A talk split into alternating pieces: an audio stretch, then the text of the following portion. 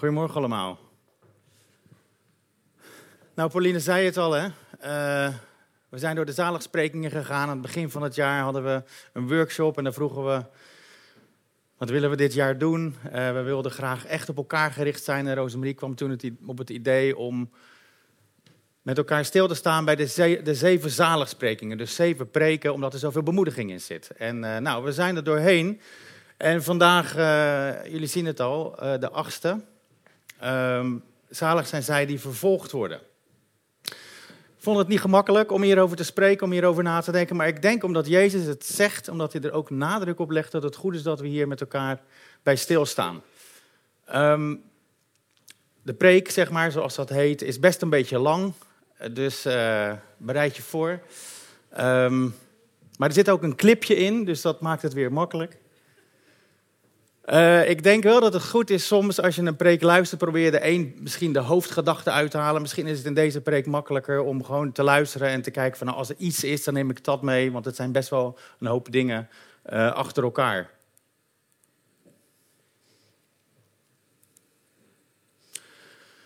Um, ja, ik zei al zeven, acht. Het zijn zeven zaligsprekingen.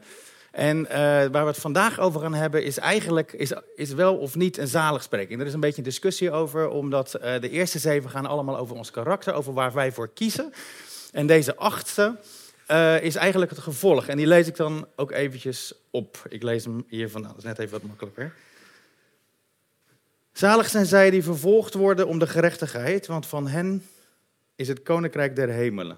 Zalig bent u als men u smaadt en vervolgt en door te liegen allerlei kwaad tegen u spreekt omwille van mij.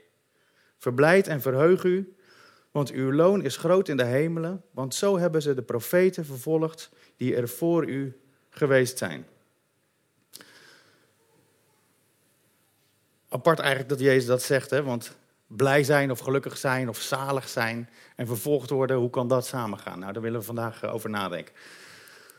Maar voor we dat doen, uh, een kleine pubquiz, om het een beetje luchtig te maken. We hebben er zeven gehad ondertussen en ik ben benieuwd of jullie ze aan kunnen vullen. Zalig zijn de armen van geest, want... Ja, nu moet je, hè? Jullie dachten, ik ga lekker luisteren, maar... Uh... Wie? Wie doet er een gok? Je mag ook wel gokken. Ja, voor hen is het koninkrijk van de hemel.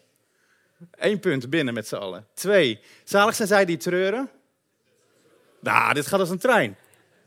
Drie, zalig zijn de zachtmoedigen. Zij zullen de wereld beërven. Zalig zijn de hongeren, die hongeren en dorsten naar de gerechtigheid. Dit is een heel slim hoekje daar. Zalig zijn de barmhartigen. Zij zullen barmhartigheid ondervinden. Zalig zijn de reinen van hart. Zij zullen God zien. En zalig zijn de vredestichters. Juist, zij zullen kinderen van God genoemd worden. Dat zijn ze. Nou, dat, uh, jullie hebben goed opgelet de afgelopen maanden. Dat is in ieder geval duidelijk. Um, ik lees nog één keer. Zalig zijn zij die vervolgd worden om de gerechtigheid, want voor hen is het koninkrijk, van hen is het koninkrijk van de hemel. Deze zaligsprekingen kun je eigenlijk alle zeven, of als je wilt dus alle acht, allemaal op zich uh, behandelen. Daar kun je heel veel over zeggen. Jezus spreekt ook in principe gewoon steeds uh, een zin uit. Uh, geeft daar geen uitleg bij. Je kunt ze dus allemaal individueel overdenken. Maar er zijn ook best wel theologen die zeggen: nee, Jezus bedoelde hier wat anders. Namelijk dat je als christen wil groeien in het koninkrijk, dat je deze trappen aflegt, deze treden van een trap. En dat noemen ze dan de ladder van voortdurende verandering.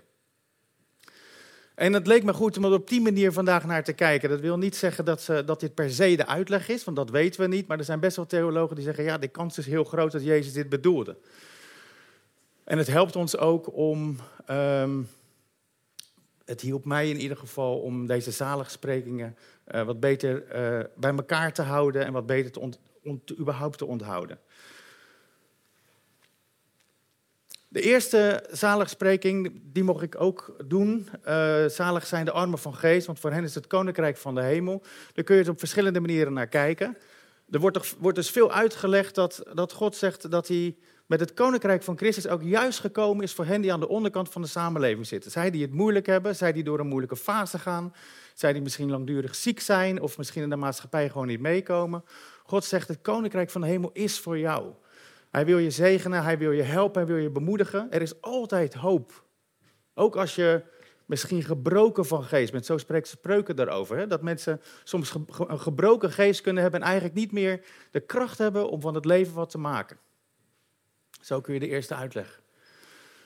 Een andere manier om hem uit te leggen, en daar heb ik toen ook bij stilgestaan, is dat het ook wel lijkt alsof of Jezus hier zegt dat als je het koninkrijk binnen wilt komen, dan moet je ervaren dat je van, van jezelf uh, redding nodig hebt. Jezus spreekt uh, erover dat als je geen deel aan hebt, dat je geen leven in hebt. En Paulus zegt, we zijn overgegaan van dood naar leven of van duisternis naar licht. Het is een behoorlijk verschil en het koninkrijk binnengaan kan dan dus echt alleen, niet door werken, niet door je goed te gedragen, maar door erkennen dat je verloren bent, dat je redding nodig hebt. En dan zit daar gelijk heel goed nieuws aan vast, namelijk als je dat erkent dat je arm van geest bent, dat je redding nodig hebt, dan zegt God, het, koninkrijk van de hemel is voor jou. Dat is wat ik je voor, voor je wil geven. Maar het komt allemaal uit genade en door het geloof. Zo lezen we dat door het hele Nieuwe Testament heen. Dus dan zou je kunnen zeggen, dat is de eerste trap. Je komt tot geloof, je erkent, je hebt redding nodig. En God, op het moment dat je dat erkent, wil God je alles geven. De tweede stap die je dan kunt gaan is, en zo wordt het dan uitgelegd, dat als je je oude leven overdenkt, van wat je jezelf aangedaan hebt door een andere weg te gaan dan die God voor je had, of wat je anderen aangedaan hebt, wat je jezelf aangedaan hebt, wat je de natuur of wat je God aangedaan hebt, dat het belangrijk is dat je daarover treurt. Dat je, dat, dat je niet alleen maar zegt, het spijt me, zo werkt het in relaties ook niet. Maar dat je dat echt even je stortje neemt en dat je daar spijt van hebt en dat je bij stilstaat en dat je zegt, ik wil daar echt grondig afstand van nemen. En op dat moment zegt God, uh, zalig zijn zij die treuren, want ze zullen getroost worden. God komt met zijn troost en met zijn oplossing en met zijn bemoediging en met zijn woorden van herstel. Het is zo belangrijk dat de dingen die wij gedaan hebben in het verleden, of die we misschien nog doen, dat we er niet alleen sorry over zeggen, maar dat we er echt even bij stilstaan en zeggen, hier wil ik echt mee breken. En dan komt God met zijn zegen. Dat is de tweede. De derde, zalig zijn de zachtmoedigen. Zij zullen de aarde beërven. Dat zou je zo uit kunnen leggen dat God zegt van, het is zo belangrijk dat als je die, die deur van het koninkrijk in bent gegaan, dat je dan stopt met het leven op eigen inzicht. Dat je nederig bent naar andere mensen, ook, maar vooral ook naar God. Om van Hem te horen, om te leren wat het is om je te laten leiden door de Heilige Geest. In Spreuken 3 staat er, staat, er staat een mooie tekst in Spreuken 3. Uh, eh, vertrouw op je eigen inzicht niet, maar vertrouw op de Heere God en op je eigen inzicht niet. En dat moeten we leren. We moeten leren om de weg te gaan die God voor ons heeft. We moeten dat ontdekken, we moeten erover lezen, erover praten. En we moeten nederig genoeg zijn naar God om onze trots, trots los te laten. De dingen van de wereld waarvan we denken, ja, maar dat is leuk en dat doet iedereen. We moeten leren los te laten, daar waar het schuurt met wat God tegen ons zegt. En nederig die weg gaan. En dan de vierde trap. Op het moment dat je het koninkrijk bent binnengekomen, je hebt die, die, dingen die waarvan je weet, ze zijn niet goed. Ik beschadig andere mensen of mezelf of God. En ik ben ook die weg gegaan. Ik ben die weg aan het gaan. Ik laat me leiden door de geest dan komt er een moment dat je dat gaat zien dat dat werkt en dat dat rijkdom is. En dat, je, dat daar zoveel meer is en ontstaat er een enorm verlangen naar gerechtigheid. Gerechtigheid in je eigen leven, maar ook gerechtigheid, verlangen naar andere leven. Dat je denkt van wauw, er is zoveel wat God ons wil geven, dat wil ik ook voor andere mensen. Zalig zijn zij die hongeren en dorsten naar gerechtigheid, want zij zullen verzadigd worden. Dat is ook zo'n bemoediging voor God, dat hij zegt ik wil daar ook in komen. Ik wil je daar ook in zegenen.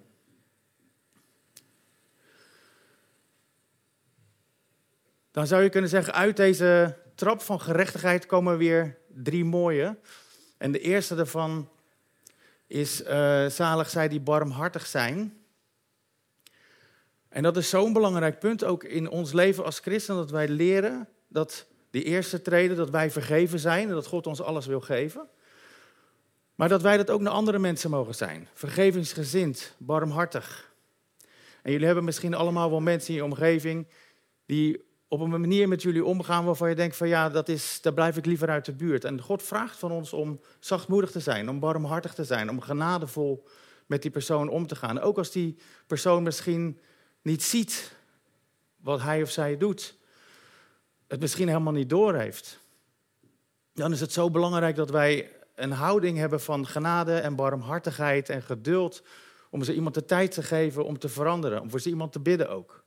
En het mooie daarvan is, en dat lees je dus ook eigenlijk door, de, door het hele Nieuwe Testament heen, dat God zegt, als jij je zo opstelt naar andere mensen, dan ben ik zo naar jou. Ik denk dat je dat zo mag vertalen. Als jij zo bent naar andere mensen, dan geeft mij dat de gelegenheid om dat bij jou te doen. Om barmhartig naar jou te zijn. Om al die dingen in jouw leven waar jij misschien nog niet aan toe bent, in jouw groei, dat je nog te moeilijk vindt of waar je trots in bent of dat je vindt dat de ander het gewoon eenmaal verdiend heeft. Dat God jou barmhartig is en jou gaat inspireren en mensen op je weg brengt, een boek, een podcast of wat dan ook, om jouw hart zacht te maken en jou te veranderen. Zalig de barmhartigheid, barmhartigen, want zij zullen barmhartigheid ondervinden. En nog weer een trede hoger is dat als je ziet hoe mooi het is om die zonde waar je dan over getreurd hebt, om af te leggen, om je te laten leiden door de geest, om barmhartig te zijn naar mensen, om die gerechtigheid te ervaren. Dat je dan ook denkt van, weet je, de dingen die ik doe, dat is eigenlijk niet het, het enige. In mijn overwegingen, in mijn hart is nog zoveel meer wat opgeruimd kan worden. Eigenlijk moet ik daarmee aan de slag. De dingen die je vasthoudt in je hart. Hè. Je kunt soms aardig zijn en vriendelijk en vol humor zijn. En toch kan het donker zijn in je hart en kun je mensen misschien soms iets misgunnen of niet vergeven. Of misschien heb je een donkere blik over jezelf. En God verlangt ernaar dat we niet alleen ons gedrag veranderen, maar dat we ook naar binnen kijken. Van hoe denken wij over dingen? En kunnen wij dingen aan Hem overgeven? Kunnen wij ervoor strijden om niet alleen wat we doen en hoe we ons gedragen, maar ook ons hart puur te maken?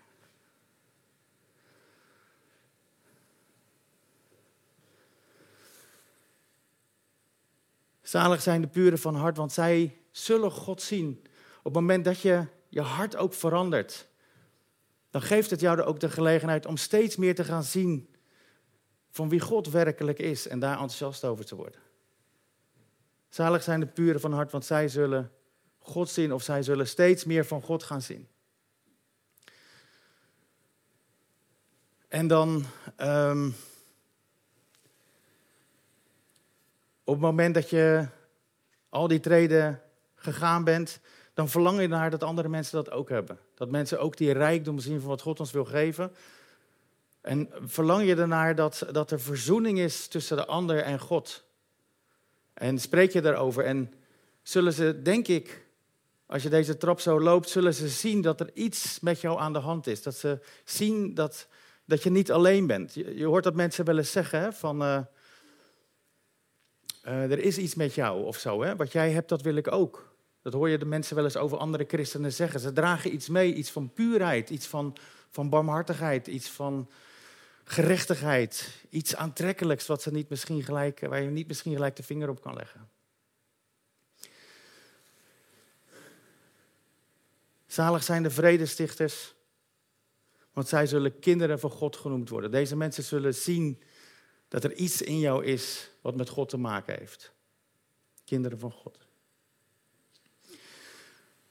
In al deze stappen, die soms ook nog best wel eens een beetje lastig zijn, wat ook nog best wel eens een beetje worstelen is, zegt God eigenlijk voortdurend van ik zegen je, genadig of gezegend ben je als je deze stappen door, doorloopt. Um, maar dan komt er een moment dat, uh, dat je als het ware licht begint te geven. Hè? Uh, oh, we zijn er zo doorheen gegaan. Jezus zegt van zichzelf in Johannes 8 dat hij uh, het licht van de wereld is. Um, maar juist na deze zaligsprekingen zegt hij tegen de discipelen: Jullie zijn het zout van de aarde. En jullie zijn het licht van de wereld. Dus nu zijn wij het licht. En het nadeel daarvan is dat mensen God in ons zien en dat ze dat dus op een of andere manier niet willen. Het gevolg hiervan is een, op een bepaalde manier vervolging. Op welke manier we dat dan ook ervaren. Nogmaals, lastig vond ik het. Zalig zijn zij die vervolgd worden om de gerechtigheid, want voor hen is het koninkrijk der hemelen. Maar goed, nu we dit dit deze trap zo gehad hebben. Ik vond het goed om daarbij stil te staan, nogmaals, om even stil te staan bij van welke hebben we gehad. En is het inderdaad zo dat de een op de ander voortbouwt? Is het gewoon goed om voor jezelf na te gaan ook, uh, waar zitten bij mij nog uh, treden die ik eigenlijk een beetje onderbelicht heb? Welke dingen heb ik overgeslagen? Of is er nog iets in mijn hart wat ik op kan ruimen?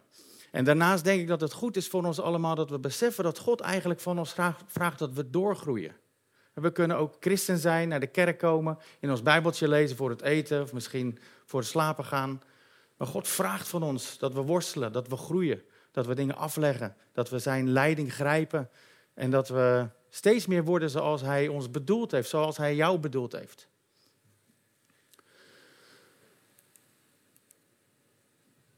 Dan wil ik even stilstaan bij um, wat die vervolging is. Hoe ziet dat er dan uit? In de eerste plaats, um, vervolging is niet nieuw of zo. Het is er altijd geweest. We kennen het natuurlijk van uh, Kain en Abel. Abel bracht een offer aan God en dat werd door God aangenomen. Kain deed dat ook, dat werd niet aangenomen. Hoe dat precies zit, hoe dat eruit zag, weet ik niet. Maar Kain ervaarde dat en uh, ja, daarmee is Abel eigenlijk de eerste martelaar geworden. Hij heeft het niet overleefd. En zo zien we door de hele Bijbel. Ik kan me voorstellen, toen uh, Noach de ark bouwde, dat er heel wat mensen ook om hem moesten lachen. Hij hoorde wat van God, hij was gehoorzaam naar wat God van hem vroeg. En ik denk dat hij uitgelachen werd. Ik denk dat hij gezien werd als iemand ja, die niet helemaal goed bij zijn hoofd was. Een heel groot schip bouwen midden in een bos. Maar hij was nederig en hij deed. Ik denk dat dat ook een bepaalde manier van vervolging is. Oh, sorry. Um, we zien het ook aan de aartsvaders. Um, neem bijvoorbeeld uh, Isaac. Uh, die zaait en die oogst datzelfde jaar nog honderdvoudig. Daar zie je heel duidelijk dat God zegen op hem was.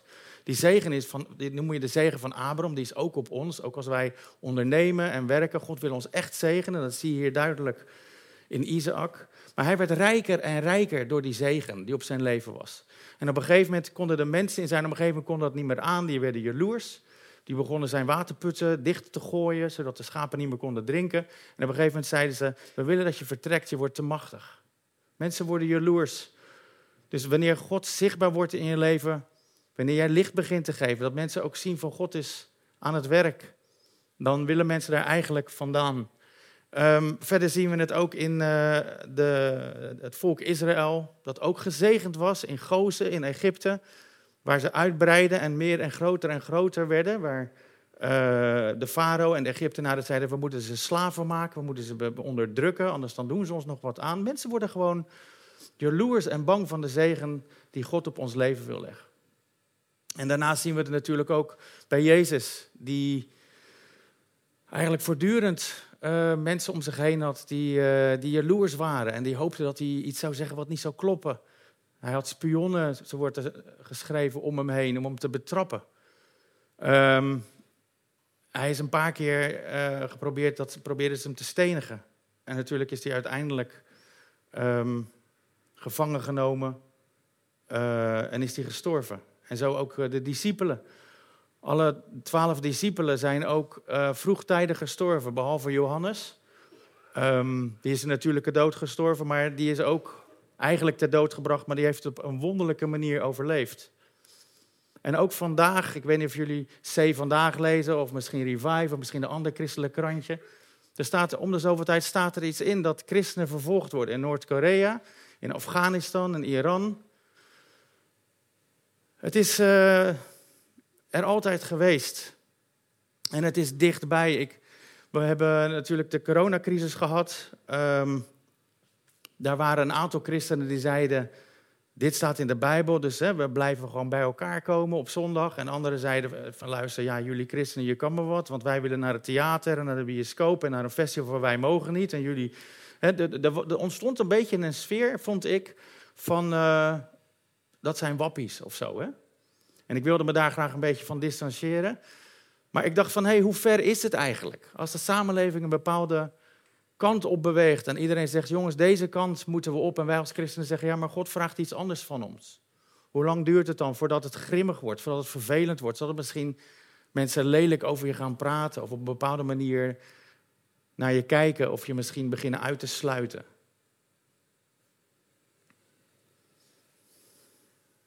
Daarom is het goed om met elkaar hierbij stil te staan. We zijn een familie van 150 volwassenen.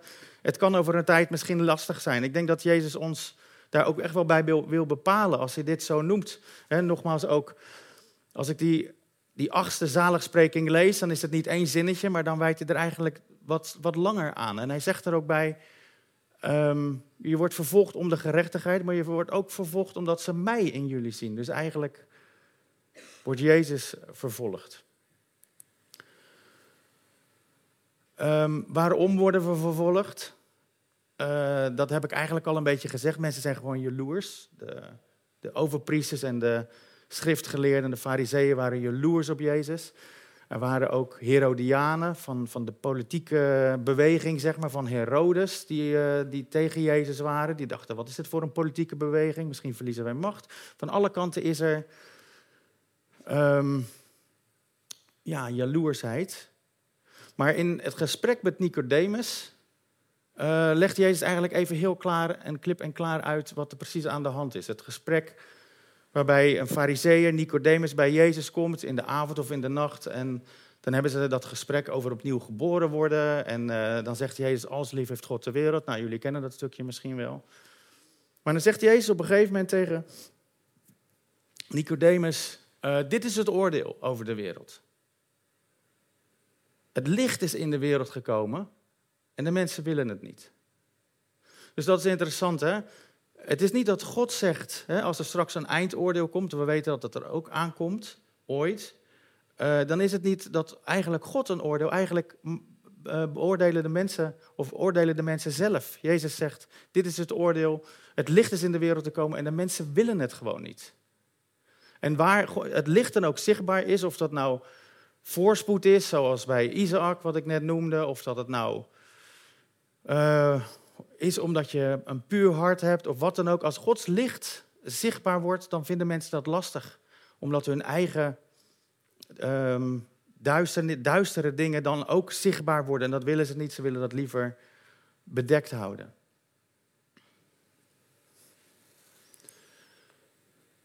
Ja, als ik al zei, iedere christen heeft er ook mee te maken.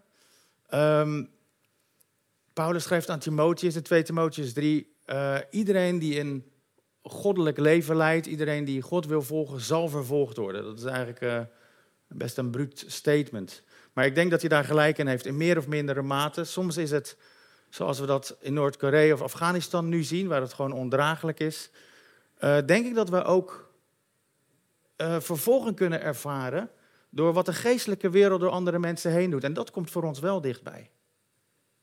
Op het moment dat Jezus het laatste uh, avondmaal heeft, paasmaaltijd met de discipelen, net voordat hij opgepakt wordt en gekruisigd wordt, dan staat er dat ze dus bij elkaar zitten, dat ze aan het eten zijn en dat Satan bezit nam van Judas.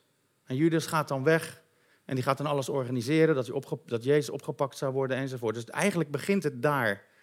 En ik denk dat we dat um, niet moeten onderschatten. Dat er een duistere wereld is die ons eigenlijk voortdurend het licht bij ons wil doven. De aanwezigheid van Jezus in ons leven wil doven. En ik weet niet hoe jij dat meemaakt. Ik denk ook niet dat het belangrijk is om heel erg uit te zoeken van is het nou mijn collega die zo moeilijk doet? Of werkt er nou iets geestelijks doorheen? Ik denk wel dat je het in gebed kan brengen en dat je het kan vragen en dat je er bewust van bent dat de lelijke dingen die je meemaakt in je leven, dat het niet altijd zomaar alleen uit het hart van de mens is. Dat er ook een geestelijke wereld is die jou wil ontmoedigen, die jou wil klein krijgen, die wil, ervoor wil zorgen dat je de Bijbel misschien niet meer zo leest of, of misschien niet zo meer, op wil trekken met de mensen in de kerk. Dit moeten we dus ook uh, met elkaar doen, denk ik, in de triades, in de huisgroepen, om dit soort dingen te bespreken. En God wil ook laten zien dat het soms meer is. Paulus zegt natuurlijk ook van wij strijden niet tegen mensen, niet tegen vlees en bloed, maar tegen de geestelijke machten strijden wij. En ik denk dat we dat ook nog wel eens onderschatten. Hoeveel ruimte de duisternis krijgt door mensen heen zonder dat we het doorhebben. Je collega's, je vrienden, je familie, soms nog dichterbij. Soms is het omdat mensen misschien een wond hebben, die ze niet opgelost hebben, een pijn uit het verleden, waar de duisternis als het ware doorheen kan werken. Soms is het misschien omdat iemand wel christen is, maar daar gewoon nog niet zo verder gevorderd is dat hij zachtmoedig met dingen om kan gaan.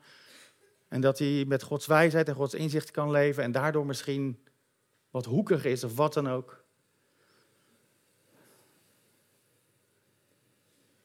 We weten het niet altijd waar het vandaan komt, maar het is goed om dit, um, dit bij God neer te leggen. Als je daar last van hebt, om te vragen, wat is het? Als God je inzicht geeft over waar dingen vandaan komt, dan helpt het jou ook om je hart zacht te houden. En daar niet in mee te gaan. Maar te bidden voor degene die jou wat aandoen, of om in het thema te blijven, te bidden voor degene die jou vervolgen.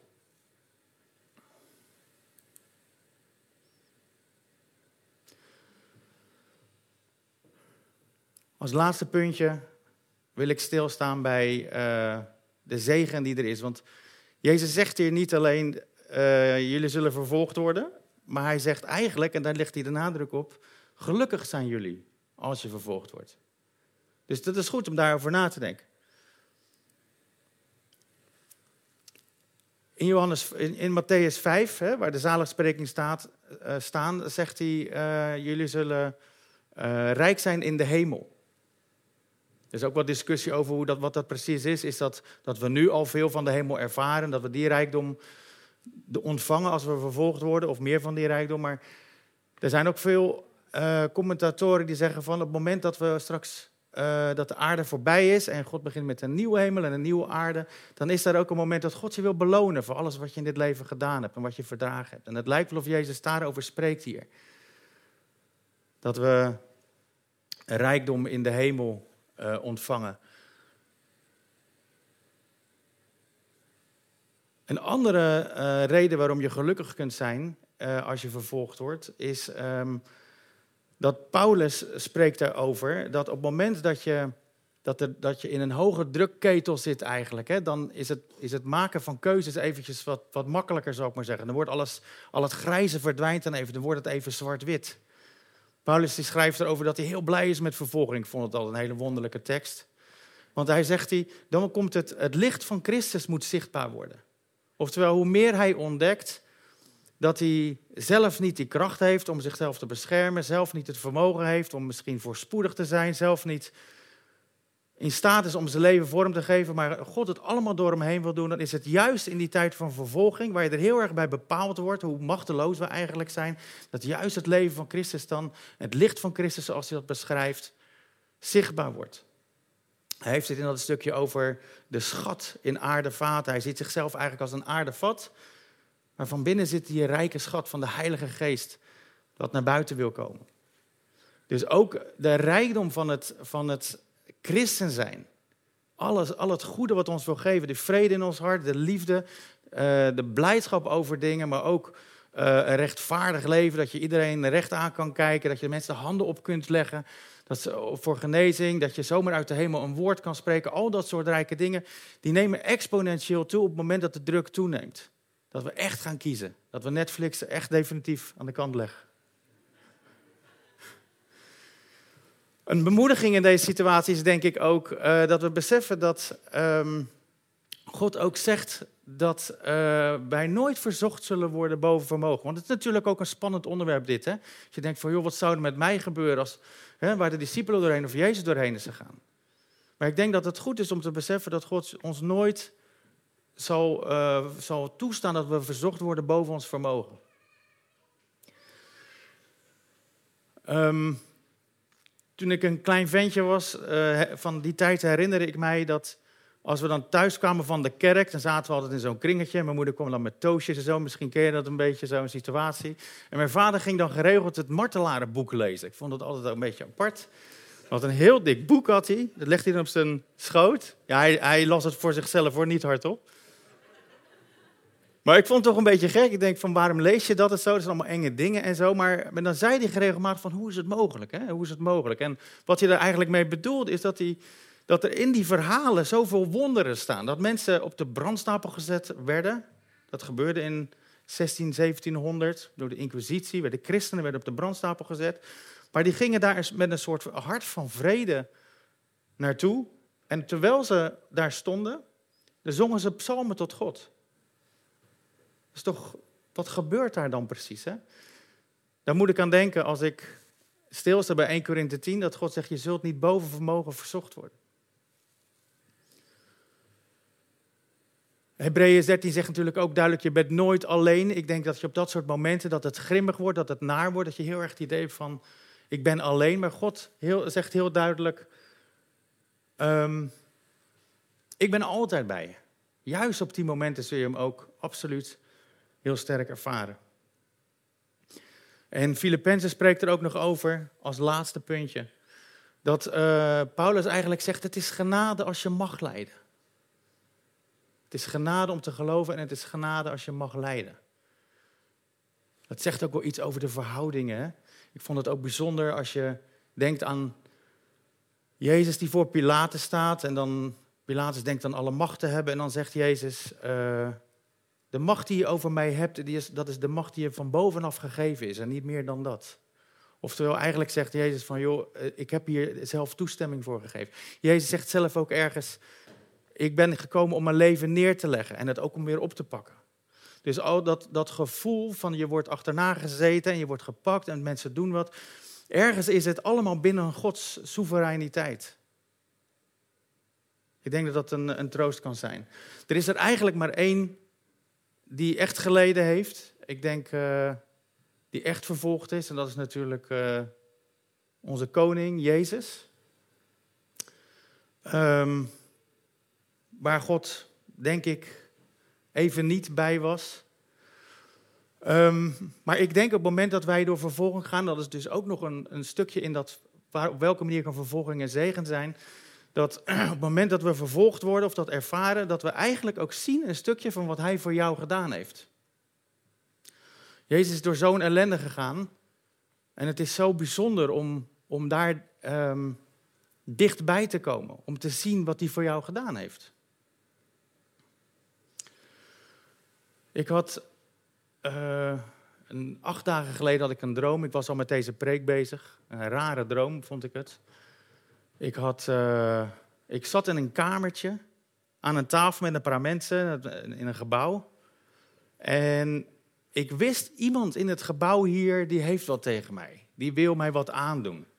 Misschien haatte die mij wel, maar zo'n zo, zo grimmig gevoel was er.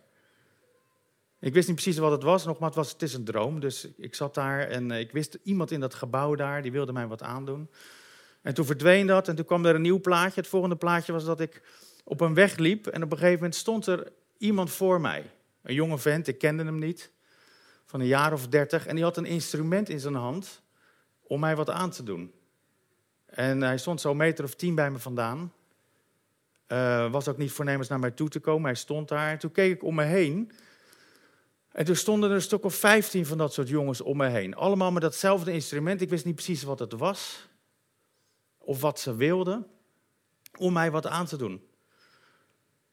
En ik vond dat zo grimmig.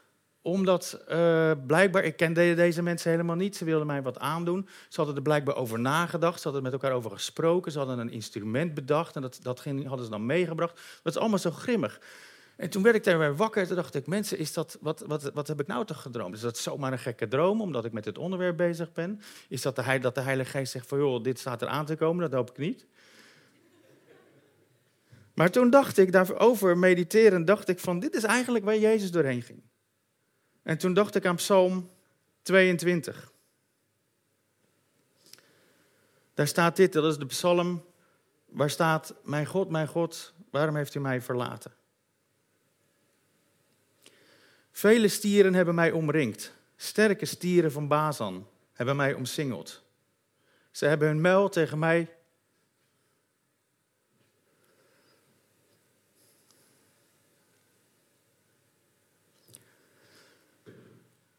Ze hebben hun muil tegen mij opengesperd.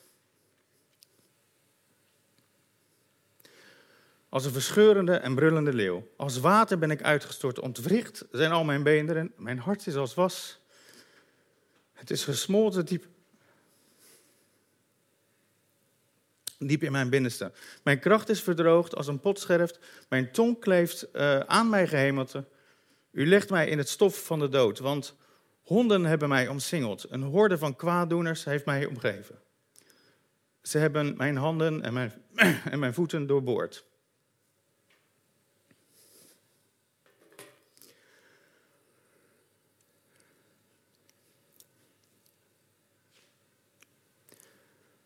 Dit is uh, waar Jezus doorheen is gegaan.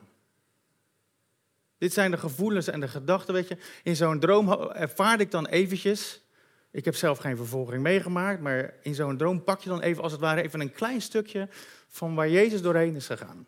En dat, doet hij, dat heeft hij gedaan voor jou. En ik merk, al is het voor mij misschien maar een droom, hoe rijk het is om even dichtbij te komen bij de hoeveelheid liefde die hij voor jou en mij heeft dat hij die hiervoor had weg kunnen rennen. Hij had, had het allemaal achter zich kunnen laten. Hij had kunnen zeggen, ik, ik doe het niet. Maar hij heeft gekozen om door die pijn, door die vervolging, door die ellende heen te gaan. Voor jou.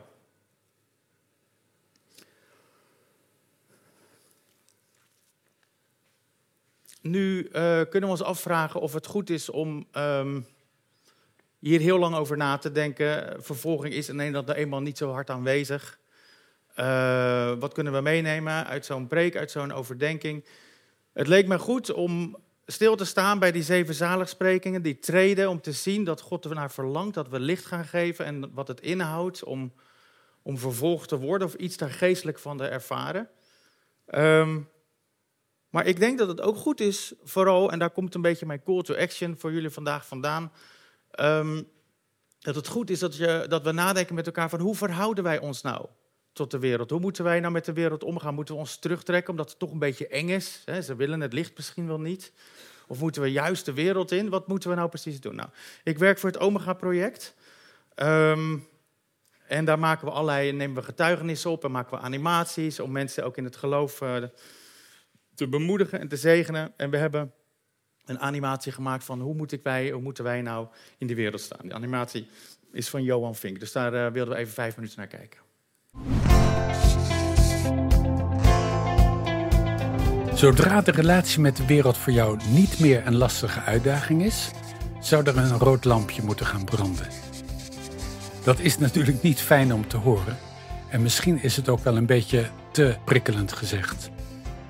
Maar we weten allemaal hoe gemakkelijk je aan de ene of andere kant van het paard valt. Dus enerzijds zie je dat christenen zich helemaal terugtrekken in een subcultuur dat ze zich isoleren van de wereld waarin ze juist door God zijn geplaatst om Hem te vertegenwoordigen.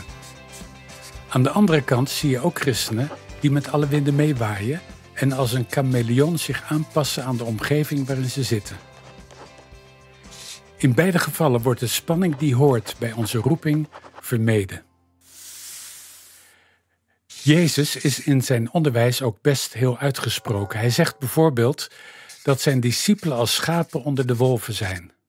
Dus dat ze kunnen rekenen op weerstand, om het maar heel eufemistisch te formuleren. Als we kijken in de wereld, zien we dat veel christenen een grote prijs betalen voor het geloof in Jezus, dat vervolging geen uitzondering is. Maar ook hier, in ons geseculariseerde Westen, kan het moeilijk zijn om tegen de stroom in te zwemmen. Tegelijkertijd zien we bij Jezus geen enkele vorm van afzetten of defensief reageren op zijn omgeving. Hij is met ontferming bewogen over de mensen die hij in hun ware identiteit ziet, namelijk als schapen zonder herder, voortgejaagd en afgemat. Hij zegt in dat verband dat er een enorme behoefte is aan medewerkers die met zijn bewogenheid willen zorgen voor al die mensen die de liefde van de Vader nog niet kennen.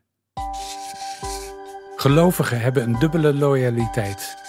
Enerzijds ligt hun hart bij Jezus en willen ze betrokken zijn bij de uitbreiding van Gods koninkrijk. Of dat nou verwelkomd wordt of weerstand oproept. Anderzijds zijn ze bewogen met de wereld en willen ze er alles aan doen om mensen te winnen voor Jezus.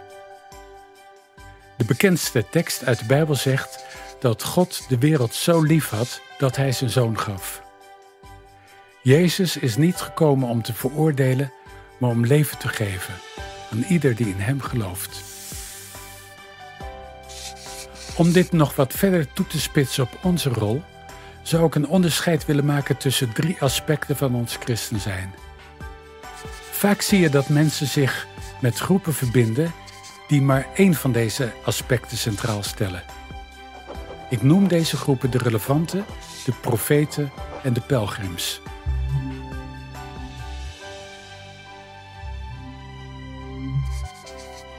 De relevanten hebben er alles voor over om bruggen te slaan naar de wereld. Ze willen laten zien dat het evangelie relevant is, dat het aansluit bij de behoeften en verlangens van mensen. Ze vinden het belangrijk om zich waar mogelijk aan te passen in taalgebruik, in gedrag en in waarden. Alles wat een kloof zou kunnen creëren, wordt vermeden. De profeten hebben een sterke behoefte om voor de waarheid, voor gerechtigheid op te komen. Als zij geconfronteerd worden met ideeën die haak staan op het evangelie, zullen ze dat duidelijk naar voren brengen, zonder zich te laten weerhouden door angst dat dit misschien niet overkomt. Ze doen geen water bij de wijn en voor hen staat centraal dat je je niet schaamt voor wat je gelooft. De pelgrims leven vanuit het besef dat deze wereld een doorgangshuis is, een voorportaal van de eeuwigheid. Zij vinden het niet zo belangrijk erbij te horen en zich in deze wereld comfortabel of aanvaard te voelen. Ze zijn vreemdeling in deze wereld en zijn geneigd zich met gelijkgezinden terug te trekken in de eigen subcultuur. Nu merk je natuurlijk direct dat alle drie de posities iets onevenwichtigs hebben. Dat klopt, want ze horen bij elkaar en het is niet gezond om ze los te koppelen. Alle drie de aspecten zijn onlosmakelijk met elkaar verbonden. Maar in de praktijk zien we dat we geneigd zijn om één aspect over te benadrukken ten koste van de andere. Dat doen we omdat het ingewikkeld is met de ambivalentie om te gaan die voortvloeit uit het feit dat we en bruggen willen bouwen en onze eigen overtuiging moeten vasthouden en leren leven met het besef dat we er niet echt bij horen. Het is veel gemakkelijker om voor één van deze posities te kiezen en de andere te negeren. Als we alleen bezig zijn bruggen te bouwen, hebben we de neiging om de verschillen die er zijn weg te poetsen. Als we alleen ons eigen geluid willen laten horen, lopen we weg voor de uitdaging echt relaties op te bouwen met andersdenkenden.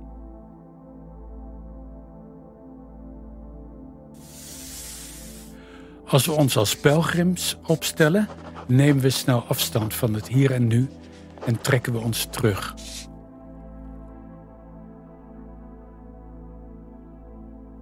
Toch zijn alle drie de facetten onlosmakelijk verbonden met de paradoxale positie die we als christen innemen.